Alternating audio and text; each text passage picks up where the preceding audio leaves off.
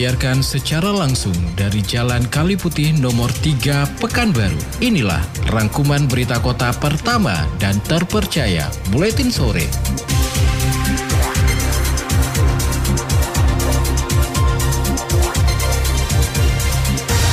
Inilah berita utama untuk hari ini. PJ Wali Kota Pekanbaru lantik 347 pejabat fungsional Pemko Pekanbaru. Pelantikan pejabat Pemko tunggu izin BAKN dan Kemendagri.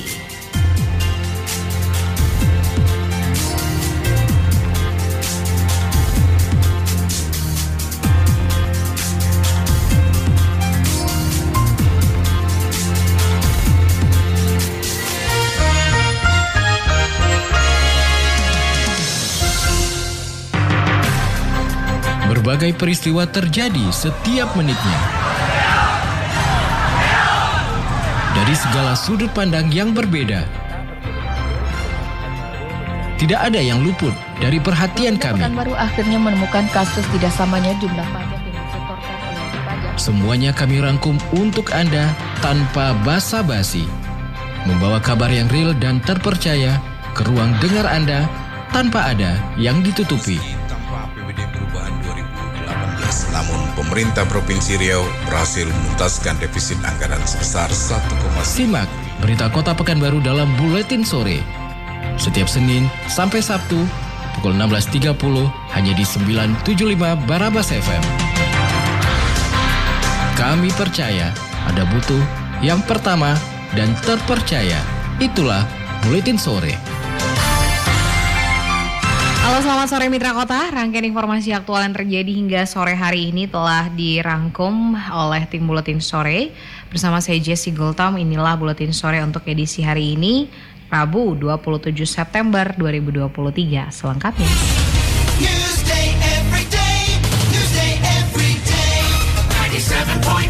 Bertempat di Aula Gedung Perkantoran Terpadu Tenayan Raya, Selasa siang PJ Wali Kota Pekanbaru Muflihun melantik 347 ASN Pemko Pekanbaru untuk menduduki jabatan fungsional di lingkungan pemerintah Kota Pekanbaru.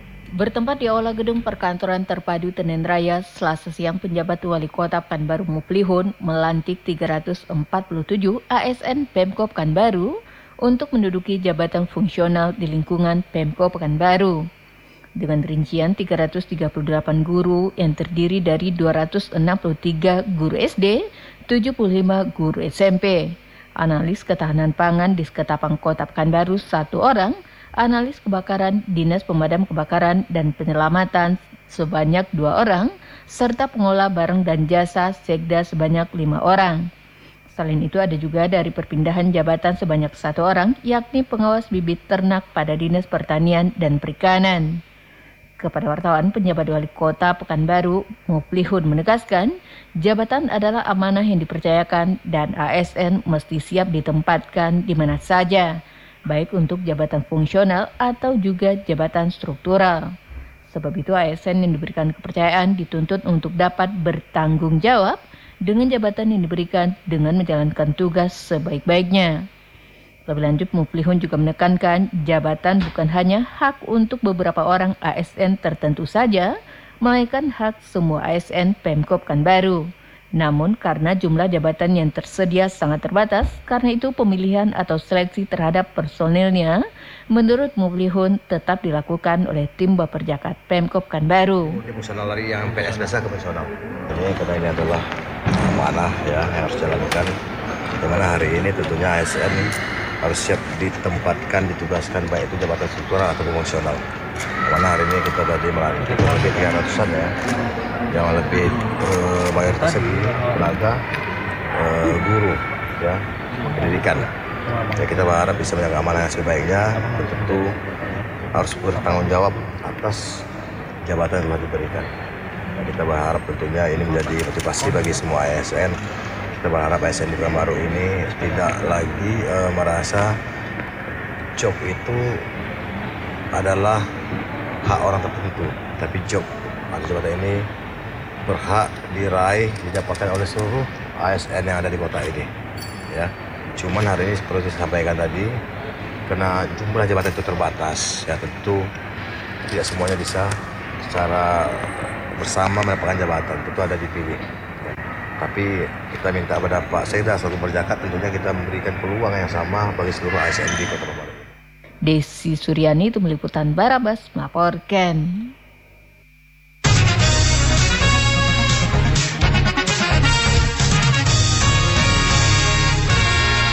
PJ Wali Kota Pekanbaru Mufliun memastikan sejauh ini tidak ada laporan ASN Pemko Pekanbaru yang maju sebagai calon legislatif baik untuk tingkat kota ataupun tingkat provinsi. Penjabat Wali Kota Pekanbaru Muflihun memastikan sejauh ini tidak ada laporan ASN Pemko Pekanbaru yang maju sebagai calon legislatif baik untuk tingkat kota ataupun tingkat provinsi. Hal ini disampaikan Muflihun pada Selasa siang menyusul adanya ketentuan dari KPU RI yang menerbitkan surat tentang larangan maju di pemilu bagi bacalek yang berstatus sebagai pegawai yang digaji dari APBN ataupun APBD. Dikatakan Muflihun sedianya jika memang ada ASN yang maju sebagai caleg, maka yang bersangkutan mesti mengajukan surat pengunduran diri. Pernyataan yang sama juga dikuatkan oleh Sekda Pekanbaru Indra Pomi. Dipastikan Indra tidak ada ASN Pemko Pekanbaru yang mencalonkan diri sebagai anggota legislatif kecuali mereka yang telah pensiun.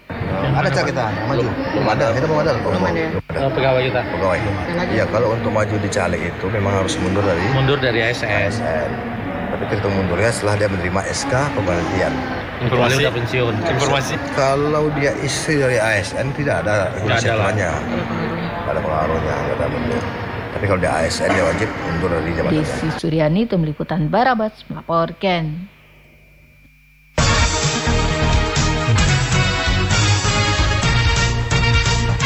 Tahapan seleksi jabatan pimpinan tinggi Pratama di lingkungan pemerintah Kota Pekanbaru kini menunggu izin dari Kemendagri dan BAKN. Informasi ini disampaikan PJ Wali Kota Pekanbaru Muflihun pada Selasa siang. Tahapan seleksi jabatan pimpinan tinggi Pratama di lingkungan pemerintah Kota Pekanbaru kini tinggal menunggu izin dari Kemendagri dan BAKN. Informasi ini disampaikan PJ Wali Kota Pekanbaru Muflihun pada Selasa siang. Dikatakannya untuk tahapan persetujuan dari KSN telah dikantongi oleh Pemkop Pekanbaru dan kini tinggal menunggu izin dari Kemendagri dan BAKN. Jika kedua izin tersebut telah diperoleh, selanjutnya pelantikan pejabat hasil seleksi jabatan yang baru-baru ini dilakukan Pemkop Pekanbaru baru dapat dilaksanakan. Ditanya mengenai perkiraan waktu pelantikan sendiri, Muflihun mengaku tidak dapat memastikannya karena semua tergantung dari izin yang mesti dikantongi oleh Pemkop Pekanbaru. Asesmen kita udah sampai di BKN. KSN KSN Pak Udah, kan sudah. BKN lagi. BKN. BKN dan BKN kita serentak ke BKN dan ke pemerintah Tidak bisa pastikan karena di Pak Menteri kan sudah sibuk ya kita nggak bisa pastikan. Tapi udah proses tinggal menunggu itu aja. Izin BKN sama izin dari Kementerian Dalam Negeri. Untuk diketahui baru-baru ini Pemkop Pekanbaru telah melakukan seleksi jabatan terhadap lima jabatan pimpinan tinggi Pratama di lingkungan Pemkop Pekanbaru. Antara lain untuk jabatan Kepala BKPSDM, Kepala Dinas Ketahanan Pangan, Kepala Bapeda, serta juga Kepala Dinas PUPR dan Asisten 3. Desi Suryani itu meliputan Barabas melaporkan.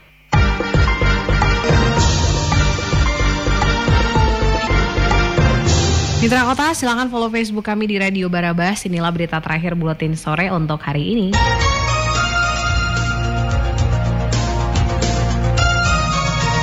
Pengantaran KTP dan kartu identitas anak menggunakan aplikasi Grab ke seluruh wilayah Pekanbaru masih terus berlanjut. Dalam satu hari ada sekitar 30 sampai 50 resi yang dibawa oleh driver Grab. Dengan satu resi kadang memiliki lebih dari satu KTP bahkan ada yang sampai 4 KTP. Hingga kini pengantaran KTP dan kartu identitas anak menggunakan aplikasi Grab ke seluruh wilayah di Pekanbaru masih terus berlanjut. Sejauh ini kerjasama di Capil Kota Pekanbaru dengan Grab untuk pengantaran KTP dan juga KIA menurut Nurdinal Guswandi, Kabit Layanan dan Inovasi di Capil Kota Pekanbaru masih berjalan lancar dan tidak ada kendala. Rata-rata disebutkannya satu hari ada sekitar 30 sampai 50 resi yang dibawa oleh driver Grab. Dengan satu resi kadang memiliki lebih dari satu KTP, bahkan ada yang sampai 5 dan 6 KTP. Menurut Murdina lagi, untuk pengantaran ke seluruh kecamatan di Kota Pekanbaru, masyarakat dikenakan biaya sebesar Rp12.000. Namun untuk yang ingin mendapatkan lebih cepat KTP-nya akan dikenakan pelayanan khusus berupa tarif khusus juga disesuaikan dengan kebijakan dari Grab. Untuk diketahui pengambilan KTP dan KIA di MPP Dukcapil, selain bisa melalui pengantaran oleh driver Grab melalui aplikasi Andong, masyarakat juga bisa langsung datang ke MPP Dukcapil. ada 30 sampai 50 resi sehari. Jadi gini, itu kan kita sediakan untuk masyarakat yang tidak ada waktu dan kesempatan untuk ngambil KTP-nya per hari ya gitu dan hitungnya resi bukan jumlah KTP. Kadang satu resi itu bisa satu kakak itu bisa 45 KTP. Nah, ada juga kartu identitas sana yang terserah masyarakat yang mau intinya KTP dan KIA. Kalau ongkirnya reguler itu 12.000 jauh dekat. Nah, kalau masyarakat mau pelayanan khusus, nah itu tergantung lokasi. Ada 15.000, ada 20.000. Eh, kalau mereka pengen cepat, "Oh, saya mau hari ini aja, saya butuhnya siang, mau ke migrasi. Nah, itu eh, dia apa? Dia ada aplikasi lagi tuh, apa namanya itu? Grab Express-nya yang instan-instan. Desi Suryani, Tim Liputan Barabas, melaporkan.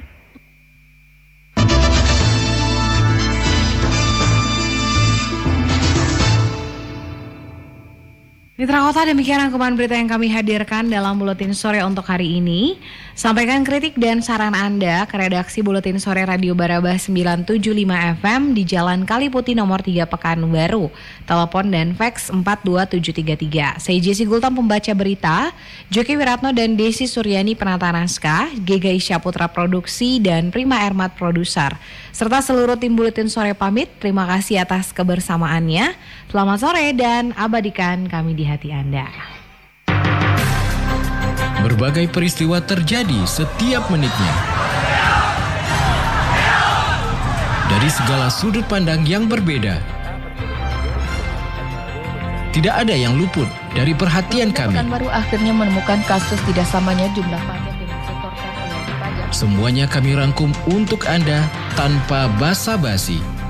Membawa kabar yang real dan terpercaya ke ruang dengar Anda tanpa ada yang ditutupi. Tanpa APBD perubahan 2018, namun pemerintah Provinsi Riau berhasil menuntaskan defisit anggaran sebesar 1,9 Simak berita Kota Pekanbaru dalam Buletin Sore.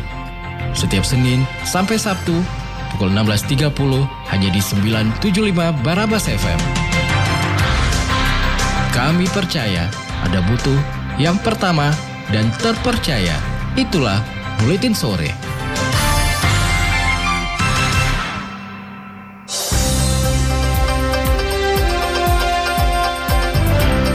Terima kasih. Anda baru saja mendengarkan rangkuman berita kota dalam Buletin Sore.